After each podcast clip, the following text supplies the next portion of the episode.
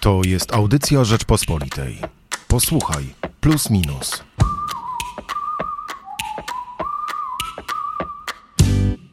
W tym tygodniu w magazynie Plus Minus stawiamy tezę, że światem tak naprawdę rządzą seniorzy. Kto naprawdę trzyma świat w garści, znajdą Państwo na okładce magazynu Plus Minus, a pod tym od razu odpowiedź stary człowiek i może. I jako, że dzisiaj porozmawiamy o tym starym człowieku, to paradoksalnie, przewrotnie postanowiliśmy wybrać najmłodszych reprezentantów naszej redakcji, czyli porozmawiamy w redaktorskim due duecie. Michał Płociński i Marcin Kubek. Dzień dobry. Cieszę się, że Marcinie, że jesteś z nami, bo jesteś jeszcze młodszy niż ja, więc mogę się czu czuć dziadem w tej rozmowie.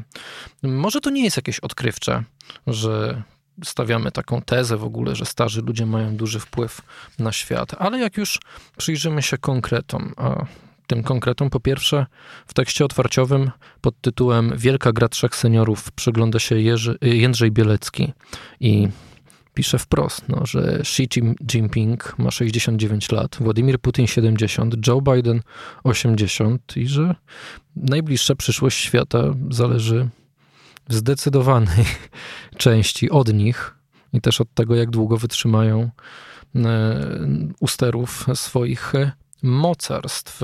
Przygląda się temu też e, w swoim eseju. Mm, po pierwsze, Jan Maciejewski, to bardziej w krótkim felietonie, ale też Bogusław Hrabota w tekście Czy starość jest grzechem, w dużym eseju jak w ogóle traktować starość i czym ta starość dzisiaj jest, a także Joanna Bojańczyk, pisząc niby trochę o modzie, ale tak naprawdę przyglądając się temu, mm, jak ważnym klientem dla ekonomii, dla świata biznesu stają się ludzie, no, którzy kiedyś mm, jako starzy to byli 30-latkowie, a dzisiaj już się produkuje kremy dla 70-latków i trochę mniej świat marketingu boi się tych wysokich liczb. Teksty Joanny Bojańczyk pod tytułem Apetyczna, wieczna młodość. No to może zacznijmy trochę od y, tych tekstów.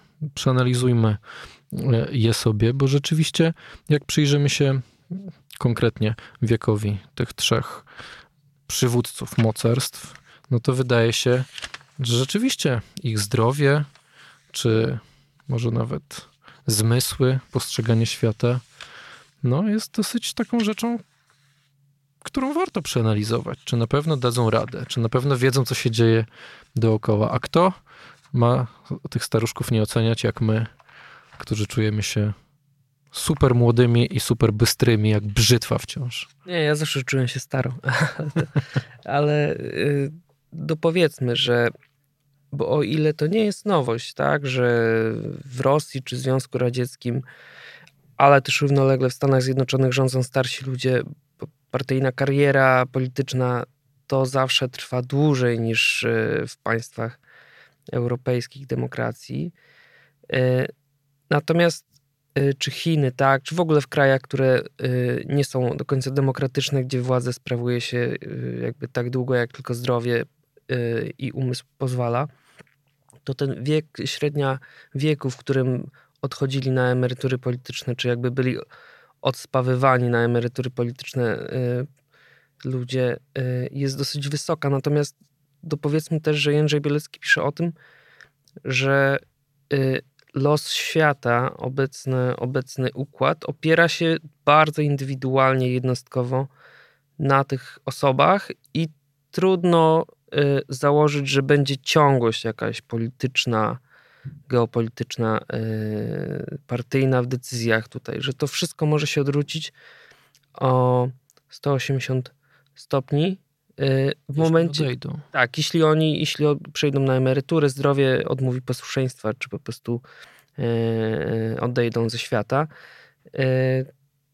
zarówno Joe Biden, Władimir Putin. Właśnie, to jest ciekawe, że Joe Biden też jest taką osobą, która wiele rzeczy spina, bo to, że nie istnieje system e, putinistyczny bez Putina, czy nie istnieje dyktatura chińska bez y, Xi Jinpinga, prawda? No to wydaje nam się oczywiste. Są ludzie, którzy przez lata budowali system zależności i, i to oni są gwarantem tak naprawdę e, przetrwania e, nie tylko polityki, ale także ekonomii, tej bardzo mocno uzależnionej od państwa.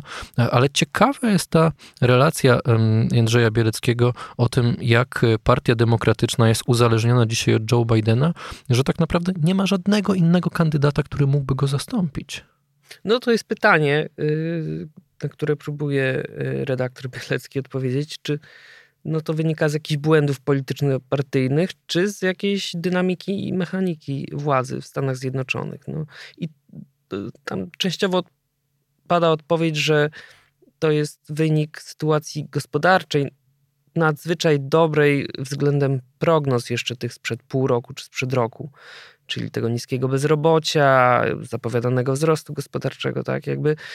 E, I to pozwoliło e, zwiększyć, e, pozwoliło na wzrost zaufania społecznego, ale też wzrost wśród wyborców poparcia dla, wśród wyborców Partii Demokratycznej dla Joe Bidena, co się jeszcze pół roku temu wydawało raczej mało prawdopodobne i z niepokojem szukano delfina, może nie, ale następcy.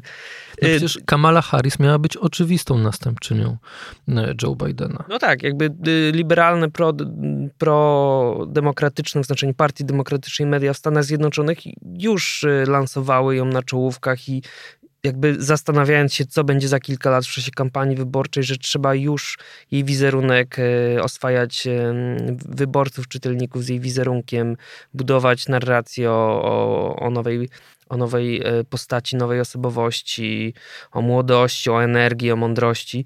No, okazało się to chwilowo niepotrzebne, aczkolwiek no tu wszystko jest uzależnione, bo Joe Biden też pokazują różne sytuacje, raz miewa gorsze momenty, raz lepsze i prezentuje się jako bardzo zażywny y, senior, tak? a czasami jednak jako już y, lekko y, niedołężniający starszy człowiek.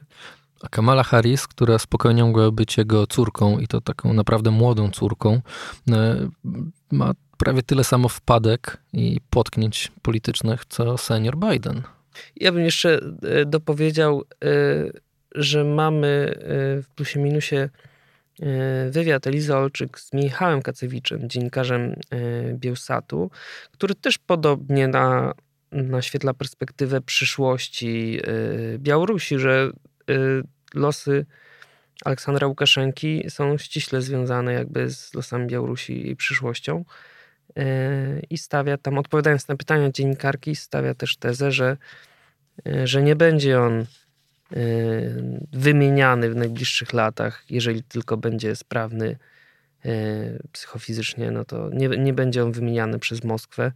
Y, nie ma takich planów, bo po prostu się sprawdza, a Rosjanie nie lubią wymieniać tego, co działa. A wszystkie te kolejne teksty, które już wspomniałem, czyli Jana Maciejewskiego, Bogusława Hraboty Joanny Bojańczyk, one naświetlają nam trochę ten problem w ogóle ze starością, jaki mamy w czasach kultu młodości, wciąż trwającego, można powiedzieć, że co najmniej od 68 roku kultu. I pytanie, jak my tą starość dzisiaj rozumiemy? Czy mamy w ogóle jakieś jakiś pomysł na to, żeby, żeby sobie z tym starzejącym społeczeństwem w taki kulturowy mm, sposób poradzić, stworzyć jakiś obraz tej starości, która nie będzie tylko, jak pisze Jan Maciejewski, e, interpretowana jak jakieś niebezpieczeństwo, niedołężność, tylko e, czy zaczniemy tą starość, e, no, zaczniemy po prostu dostrzegać w niej jakieś pozytywy, no bo to ci ludzie stanowią coraz większą część e, społeczeństwa i trudno, żebyśmy dalej mm, udawali, że dobre jest tylko to, co jest młode i że wszyscy mają się naginać do pokolenia Z. No tak, y, znaczy cywilizacyjnie, społecznie są dwa wyjścia wobec starzenia się nas jako, jako wspólnoty, no to możemy albo e, przedefiniować starość i młodość i uznać, że 60 jest dzisiaj nową, już nie 50, ale 40. E, albo możemy zmienić stosunek do starości. Wydaje mi się, że łatwiej jednak manipulować językiem, narzędziami e, i, i pojęciami, niż e, zmienić stosunek jednak do dość kategorycznych definicji. Joanna Bojańczyk, jej tekst bardzo chciałbym polecić, bo ona bardzo jakby szeroko przekrojowo opisuje zmiany na rynkach, na rynku sprzedaży, sprzedaży elektronicznej, rynku influencerskim. Pokazuje, jak y, może nie, że jak jest dowartościowywana starość czy starszy wiek, tylko pokazuje, jak jest, bo jakby nie chcę stawiać tezy autorka o tym, że, że starość stała się modna. Zresztą wątpi, żeby to się mogło kiedyś nastąpić w cywilizacji, jaką zbudowaliśmy. Natomiast pisze, że można na niej coraz lepiej zarabiać. I to wydaje mi się bardzo ciekawe i mnóstwo przykładów, mnóstwo nazwisk, ale oczywiście dużo też znanych nazwisk. Sam na przykład nie wiedziałem, że zmarła niedawno pisarka Jean Didion reklamowała e, e, jedną z marek ubraniowych w dosyć późnym wieku, więc dużo ciekawostek. Polecam ten tekst. No i napiszę też o silver influencerach. To jest w ogóle e, fajna rzecz, o której no, pewnie rzadko myślimy, no, że w świecie, w którym influencerzy stali się tak ważni, no, naturalnie muszą się pojawiać w większej masie nawet influencerzy w starszym wieku, którzy będą trafiać do tych, którzy coraz lepiej korzystają jednak z internetu. No tak, no kiedyś e, srebrną, tak, silver influencerką, jaką kojarzyłem jedyną była DJ Vika, która stała, stała się troszeczkę jakby, no jakby jej funkcjonowanie, wykorzystywanie przez media jej postaci, jej, jej czyli jako takiej wiekowej DJ-ki, która organizuje dyskoteki, clubbing dla seniorów w Warszawie i w innych miastach, no wydawało mi się w pewnym momencie zamieniło się w karykaturę, czyli mm, no odwieczny dylemat, e, czy starsi ludzie zawsze chcą, żeby nazywać ich seniorami, tak? Czy co jest często obśmiewane, że czy senior czuje się senior, seniorem, czy nie może być na przykład po prostu e, emerytem, starszym człowiekiem, no, można różne, różnych synonimów tutaj szukać.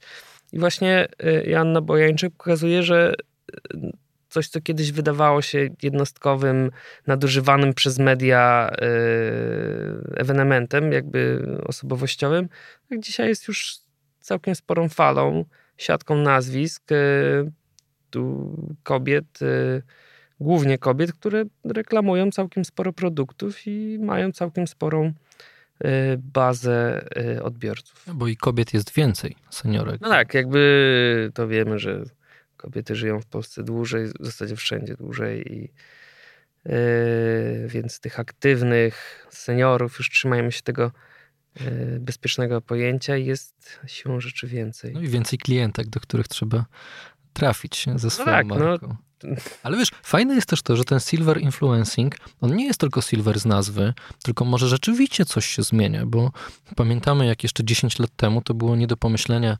żeby kobieta właśnie w tym e, young old wieku, no bo mamy young old i old old, tak? Young old, czyli 60-letnia jeszcze. Young adult, young old i young old old. tak to teraz się mówi. Young senior old. I to jest taki język socjologiczny, który już jest coraz bardziej popularny. Ten young old, czyli między tam 60 a 70 chyba czwartym rokiem e, e, życia. No trudno było spotkać na ulicach Warszawy kobietę w tym wieku, która by nie miała pofarbowanych włosów. Siwizna była czymś e, niemile widzianym jednak wśród szczególnie pań. A dzisiaj, jak pisze Joanna Bojańczyk, no ta siwizna zaczyna być zupełnie inaczej odbierana. Starsi ludzie zaczynają się trochę pokazywać swoją starość i trochę nie wstyd, mniej się tego na pewno wstydzą. No, jakaś tak, zmiana następuje. Jak przybyło kobiet świadomie yy, jakby noszących się z siwizną, czy nawet farbujących na, si na siwo włosy, to przybyło też, mam wrażenie, mężczyzn, którzy farbują włosy, ale nie na siwo, tylko na różne odcienie atramentu. Yy, to też jest takie zjawisko. Ruczo-czarni seniorzy, tak. Tak, tak, tak. E, więc jakby temat dla nas w średnim wieku ludzi jest niebezpieczny, naszpikowany minami i trudno tutaj właśnie nie wejść w jakiś wykluczający język. Ale też na przykład w kulturze mało jest, szukaliśmy przykładów przed podcastem, nie, nie znaleźliśmy ich za dużo. W kinie zawsze one były i one są, tak, filmy o problemach, chorobach, czy o... To zawsze, zawsze jest kino bardziej niszowe, nie? No tak, jakby ale zdarzają się, no przecież film Ojciec z Antony Hop Hopkinsem, tak, jakby są, są filmy i one są często też nagradzane. Oczywiście była średnia wieku Akademii Filmowej, no też jest trochę wyższa, e, więc tam e, docenia się tych starszych aktorów, teraz też coraz więcej też aktorek, tak, szuka się tych ról e, kobiecych, e, żeby je docenić, żeby je zauważyć. Natomiast no w serialu w szeroko pojętym serialu, czy w serialach, w telewizji, to tak nie, nie, nie za dużo znaleźliśmy przykładów, poza tym, że jest oczywiście są te przykłady seniorskich programów telewizyjnych, Voice of Senior, czy Sanatorium Miłości w telewizji publicznej, natomiast no, w takich komercyjnych mediach, które no jest, nie, nie wykorzystujemy elementu misji, raczej nie ma tych komercyjnych. Jest programów. jeden serial oczywiście nagradzany, głośny, oglądany przez wszystkie pokolenia na Netflixie, The Komiński Metod z Michaelem Douglasem, który, no dobra, to, to jest oczywiście wyjątek, pewnie potwierdza y, regułę, no ale znakomicie tam jest pokazana przyjaźń między, między e, dwójką starszych panów, którzy zaczynają tą swoją starość od, odkrywać. Michael Douglas, e, czyli Komiński, tytułowy, bardzo jest oporny, żeby przyjąć, że on już jest y, tak stary i traktowany przez y, swoich uczniów, bo on uczy aktorstwa jako po prostu już taki totalny matuzalem, prawda? I, i, i, i trudno mu się e, z tą, z, z tą sytuacją pogodzić. No i fantastycznie jakby to zmaganie jest w wielowymiarowy sposób pokazane, a serial jednak jest, e, jakby to powiedzieć, mm, no, bardzo popularny, tak? Typowy pop Netflixowy. No tak, tak. To jest ostatni sezon, trzeci trzeci bodaj z 2021 roku, ale yy, no i był, był to, było to jakieś zjawisko. Tak z innych przykładów to dostrzegam tylko w polskim kinie i serialu troszeczkę elementów grania na, no, no, bazowania na takiej różnicy, na, na różno, różnicy młodość kontra starość, to bardzo się fajnie sprawdzało w przypadku zresztą tych samych aktorów, bo Andrzeja Seweryna i Dawida Ogrodnika, oni razem grali zarówno w serialu Royce, gdzie jeden grał starszego star dziennikarza już przed emeryturą, a drugi wchodzącego dopiero w zawód w, pierwszej, w pierwszym sezonie tamtego serialu. No i oni jednocześnie też zagrali wcześniej yy, w Ostatniej Rodzinie, yy, gdzie zagrali yy, Beksińskich, tak, Zdzisława i Tomasza Beksińskiego. Więc jakby widzę to jako jednostkowe przykłady fajnego rozgrywania y, tych różnic kulturowych, kulturowo też no, po prostu y, wychowania, różnic wychowania w edukacji, w sposobie bycia. Y, no ale tak, tak jak Joanna Bojańczyk, jestem sceptyczny, żeby miał się to stać jakiś silny, miało się to stać jakimś silnym trendem kulturowym, że teraz będziemy mieli wysyp seriali o seniorach, gdzie bohaterami są seniorzy.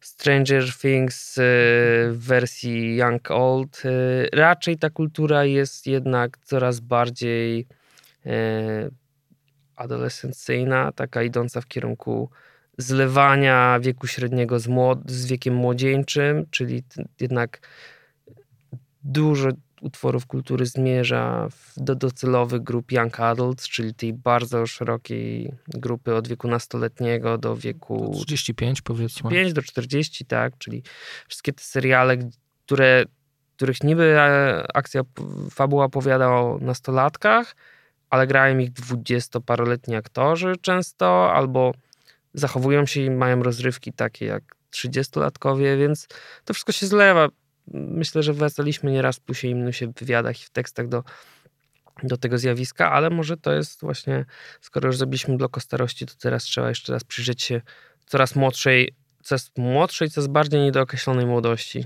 Tak, no ale my też to odczuwamy, prawda, na przykład w, nas, w na naszej drodze zawodowej. Ludzie w wieku właśnie około 35 lat wciąż są traktowani jako ci tacy młodzi, dopiero e, tak naprawdę zdobywający pierwsze swoje skalpy Dobrze zawodowe. zapowiadający się. Tak, no wciąż, bo to wciąż jesteśmy młodymi dziennikarzami, prawda.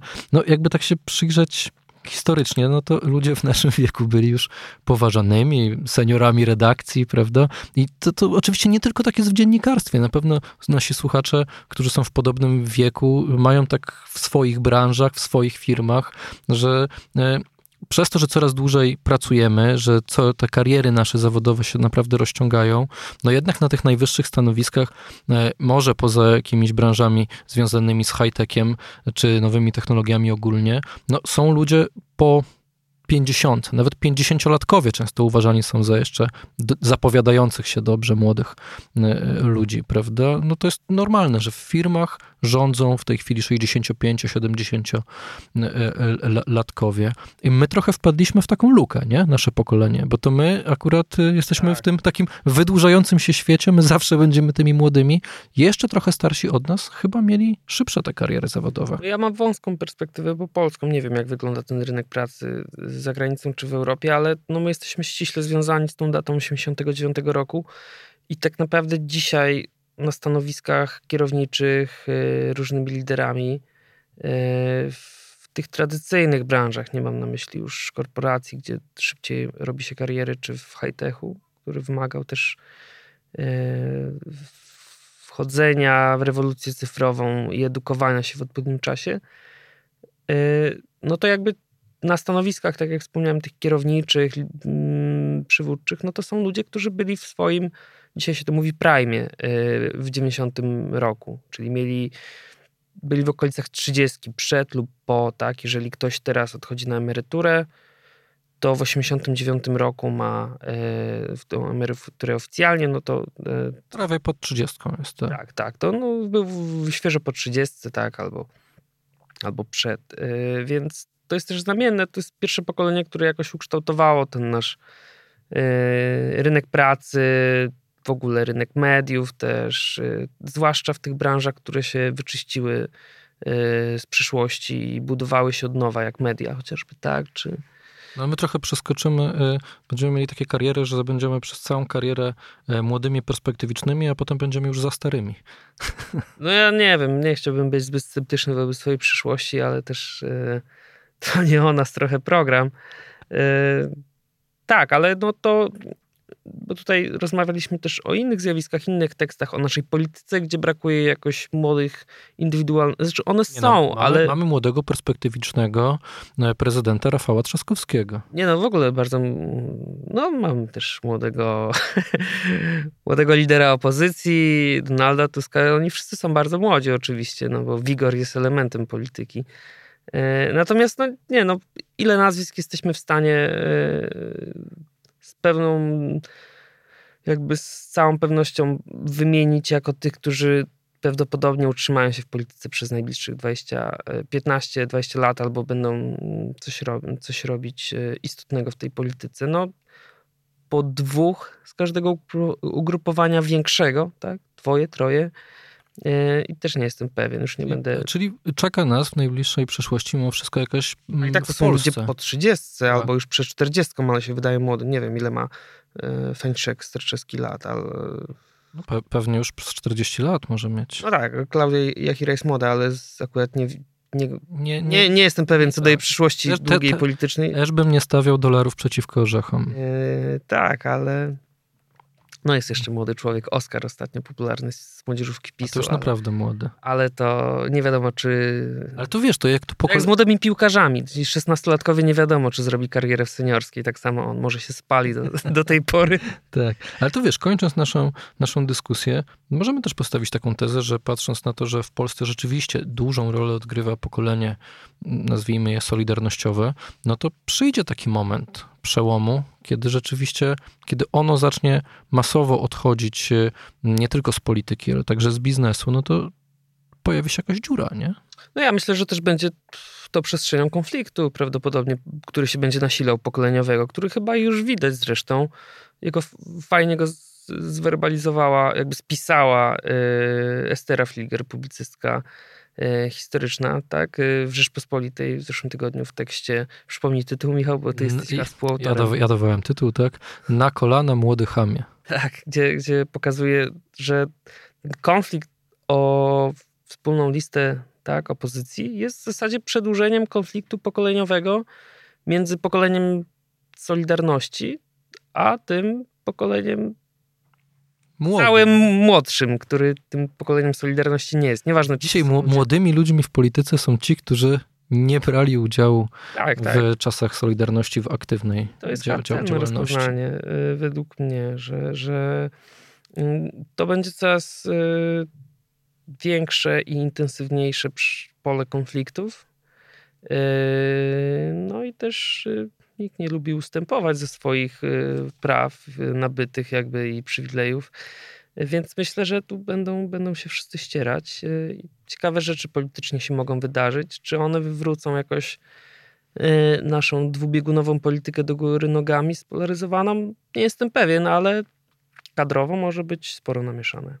No to może jeszcze polećmy inne teksty z magazynu Plus Minus, żeby nie tylko o starości, a, a może też inne teksty, które zahaczają trochę o kwestie e, pokoleniowe, no bo sam mówiłeś, no Michał Kacewicz y, opowiada Esterze Fliger, E, nie, Elizie Olczyk. Elizie Olczyk, przepraszam, e, właśnie też o kwestiach e, pokoleniowych i o tym, że przecież na Białorusi jest podobna, podobny problem, co, co w Rosji. A Jacek Cieślak na przykład pisze o płycie bardzo ważnej też dla pokoleń starszych od nas, czyli 50-lecie premiery The Dark Side of the Moon i chyba naszym słuchaczom nawet nie trzeba e, przypominać, że oczywiście autorami tej płyci, płyty byli Pink Floydzi. E, to też jest tekst, który pewnie nie trafi do młodego czytelnika, ale dla starszego jest super ważną, jednak ważnym doświadczeniem kultury. No wyszedł nam taki silver numer, bo generalnie też e, Altona Łaniewska-Wołk e, zrobiła fajny wywiad z e, Juriem Andrychowiczem. Może jeszcze nie Nestorem, ale już jednak takiej cenionej i bardzo cieszącej się sporym doświadczeniem i estymą postaci ukraińskiej literatury, zresztą też silnie zaprzyjaźnionej z polską literaturą, tłumacza, wydał swoją po polsku swoją nową powieść. Co prawda jeszcze sprzed inwazji rosyjskiej, no ale można dostrzec e, w Radionocy Jurija Andrychowicza e, jakieś wspomnienia chociażby kijowskiego Majdanu. E, Więc, więc polecamy też ten wywiad i jeżeli kogoś zainteresuje rozmowa, to książkę. No a ja, ja staram się jednak bronić tej młodości w plusie minusie, bo porozmawiałem z niesamowicie młodą posłanką lewicy. Kolejna młoda polityczka, tak? Ledwo 40 lat. Takich ludzi w polskiej polityce zbyt wielu nie jest. Anna Maria Żukowska. Porozmawialiśmy, no też trochę o tej jednej liście, prawda? No jakby- Gorący temat. Jakby nie było, to lewica y, wygląda się taka najbardziej y, młodociana w polskiej polityce. Konfederacja mimo jest bardziej. Tak, ale bardziej to chyba też wynika z tego, że te struktury partii Razem i Wiosny były y, tworzone przez dosyć młodych ludzi. Tak, ale mówię ci, z Konfederacją nie mają szans, patrząc na, na, na wiek posłów, na wiek polityków. No tak, A tym tak. bardziej na Znamy wiek wszystkie- sympatyków. Znamy te słynne żarty, że y, najwięcej wyborców, guru Konfederacji już, już też emeryto, guru. emerytowany. No, w sumie mogliśmy zrobić sylwetkę Janusza Korwina-Mikkego. O, do, do tego bloku jak znalazł. Właśnie, powinna się znaleźć. To błąd, przepraszamy. Yy, No najwięcej wyborców zawsze miał w gimnazjum. Tak? Czyli można połączyć Teraz starego też- lidera z młodymi sympatykami. Bez problemu. Mamy dowód w Tak, polskiej tak, polityce. Oby takich przykładów więcej. Zapraszamy Państwa do kiosków oraz na nasze strony rp.pl. Tam w zakładce plus minus można wykupić najnowszy numer, a można wykupić także prenumeratę plusa minusa, nazywaną dzisiaj subskrypcją. Michał Płociński, Marcin Kuby. dziękujemy. Dziękujemy. Słuchaj więcej na stronie podcasty.rp.pl. Szukaj Rzeczpospolita Audycje w serwisach streamingowych. Poznaj mocne strony Rzeczpospolitej. Wejdź na prenumerata rp.pl. Polecam. Bogusław Rabota, redaktor naczelny.